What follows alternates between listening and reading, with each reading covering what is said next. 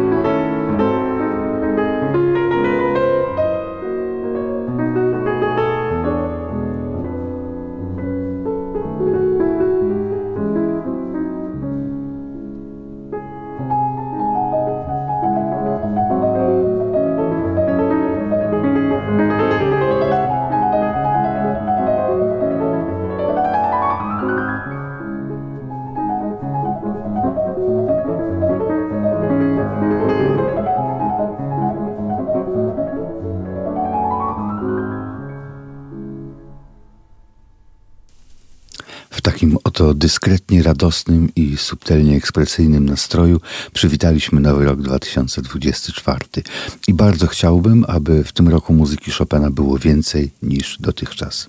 Cóż, Jestem przekonany, że jeszcze dzisiaj uda się do tej płyty wrócić. Zanim to jednak nastąpi, kilka przykładów muzyki zadumanej i spokojnej, akurat na czas mroźnej zimy. Ale najpierw krótka wycieczka do Wiednia.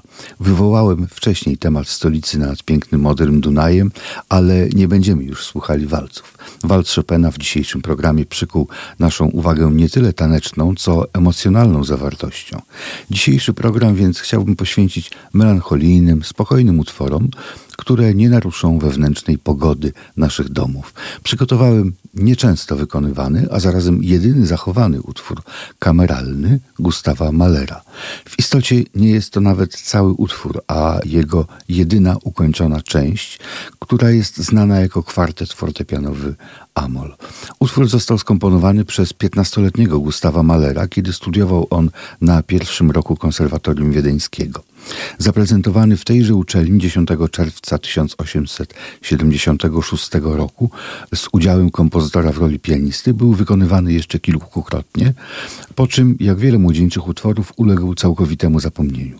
Wiadomo, że był jeszcze jeden utwór kameralny, sonata na skrzypce i fortepian, ten jednak zaginął bez śladu. Może jeszcze kiedyś uda się go odnaleźć. Wydaje mi się, że kwartet fortepianowy jest świetnym wprowadzeniem nie tylko w dzieło Malera, ale także w nowy rok.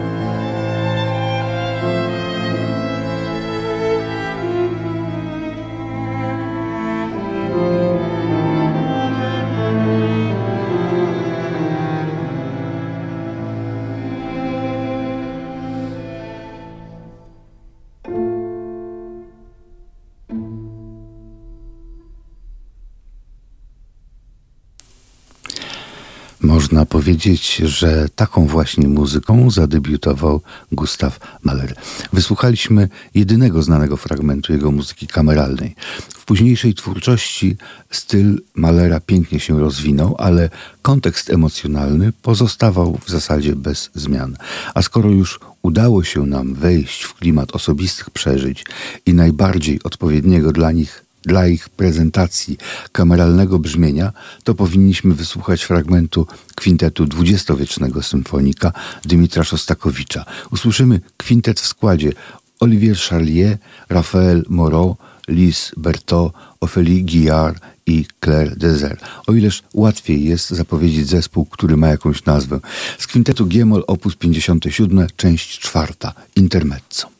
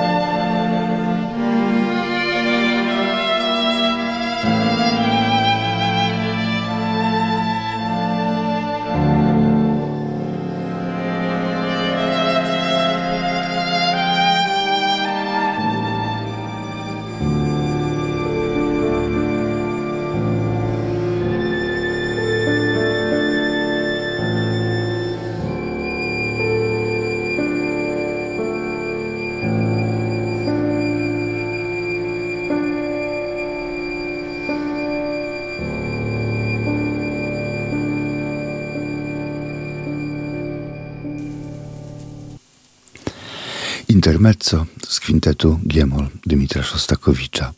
To bardzo dobry przykład, który wykazuje, że muzyka dwudziestowieczna niekoniecznie musiała być hermetyczna i trudna. Czasami jest czytelna i zrozumiała, tak bardzo, że zaczynamy jej słuchać, jakby powstała w czasach, kiedy tradycyjne melodie i emocje były jeszcze w centrum uwagi. Ale czy rzeczywiście aż tak wiele się zmieniło, powiedzmy na przestrzeni ostatnich 850 lat? W istocie chyba niewiele o czym można się przekonać dzięki zachowanej poezji i muzyce. Z późnego średniowiecza pochodzą pisane w języku oksytańskim pieśni trubadurów, a w gronie trubadurów także pieśni trobaric, czyli jak dzisiaj byśmy mogli powiedzieć trubadurek i wcale nie były one zjawiskiem rzadkim. Niestety bardzo duża część twórczości kobiet się nie zachowała. To, co się zachowało, obejmuje prawie wyłącznie teksty pieśni, czyli e, znamy je jako poetki. Jest tylko jeden unikalny przykład twórczości muzycznej trobaric. E, zachowała się mianowicie kompletna pieśń Beatrice de Dia, ad chanter Merdesocieno Voldria. Posłuchajmy klasycznego już nagrania tego utworu z roku 1978. Z zespołem Esperion Jordi Savala śpiewa Montserrat Figueras.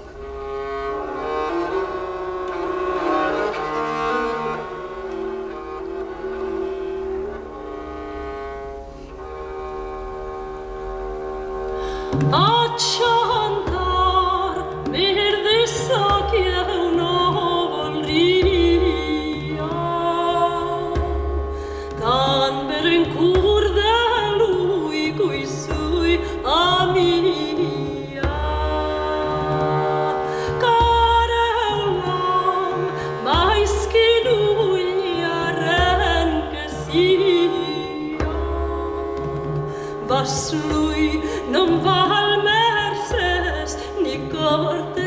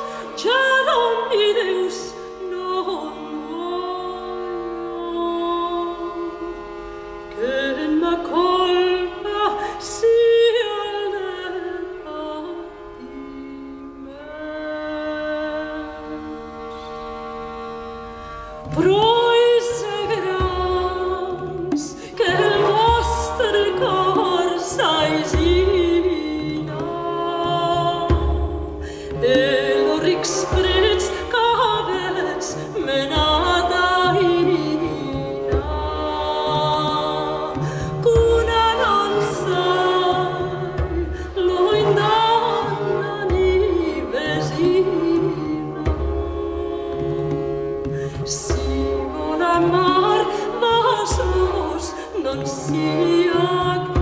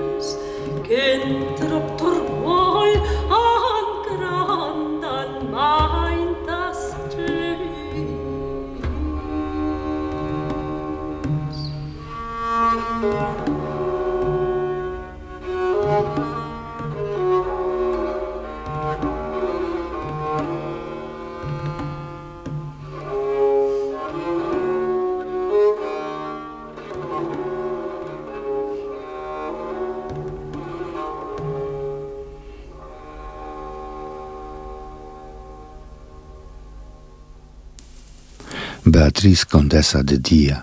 To taki piękny zabytek kobiecej twórczości, ale nie zapominajmy, że wcale nie jedyny i że nie tylko w średniowieczu kobiety miały do zaoferowania wiele owoców twórczej inwencji, A to, że nie wszyscy umieli to zauważyć, to już nie ma żadnego związku z kulturą muzyczną. Na pewno wrażliwi na kobiece wdzięki byli romantycy. Niewątpliwie Fryderyk Chopin, ale też Franz Liszt e, nie umieli się obyć bez kobiet. Wróćmy zatem do Kati Buniatyszwili i roku 2011, kiedy Sony wydało dwa pierwsze albumy tej artystki. I tak się składa, że były to albumy Chopinowski i Listowski. Obaj byli słynnymi wirtuozami i obaj są kompozytorami o decydującym znaczeniu dla każdego pianisty. Recital z muzyką Lista obejmuje przede wszystkim sonatę fortepianową Hamol i jest to jedno z ciekawszych wykonań, jakiego udało mi się wysłuchać. E, myślę, że kiedyś należałoby tej sonacie poświęcić więcej miejsca, ale dzisiaj nie mamy już e, tak dużo czasu, więc z recitalu listowskiego trzeci nokturn Liebestraum gra Katia Buniatyszwili. Na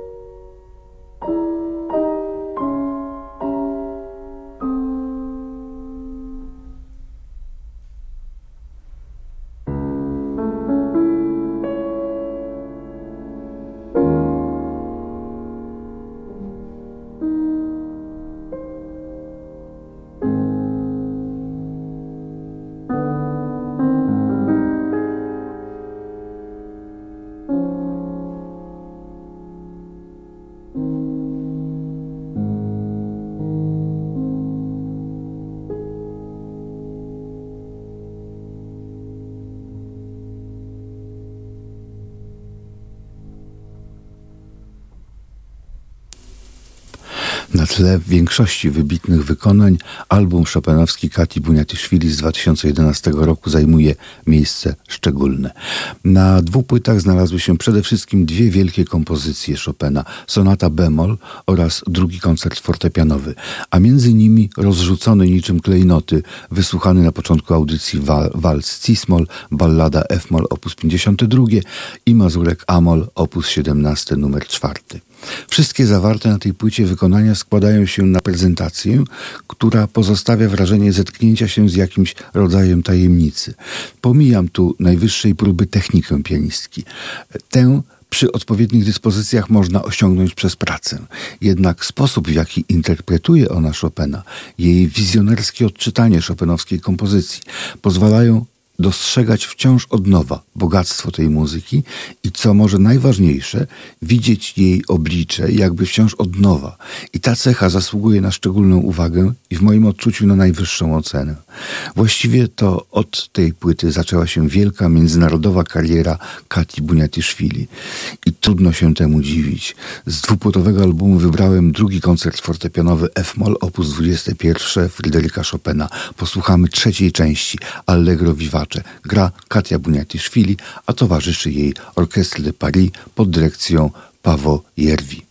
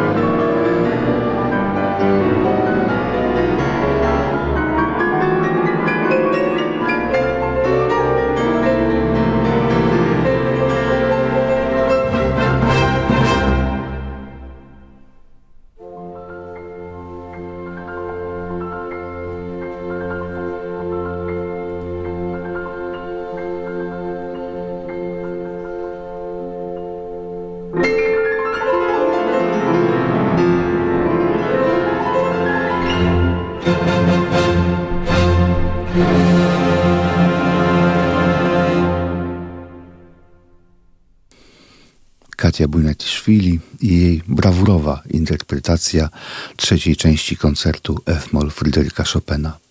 Niebywałe jak wiele muzyki udało się w tym siedmiu i pół minutowym fragmencie zmieścić. Już z tego z tej jednej części widać, jak znakomity jest to album. Myślę, że jeszcze do niego wrócimy. Może nawet w nieodległym czasie nam się to uda.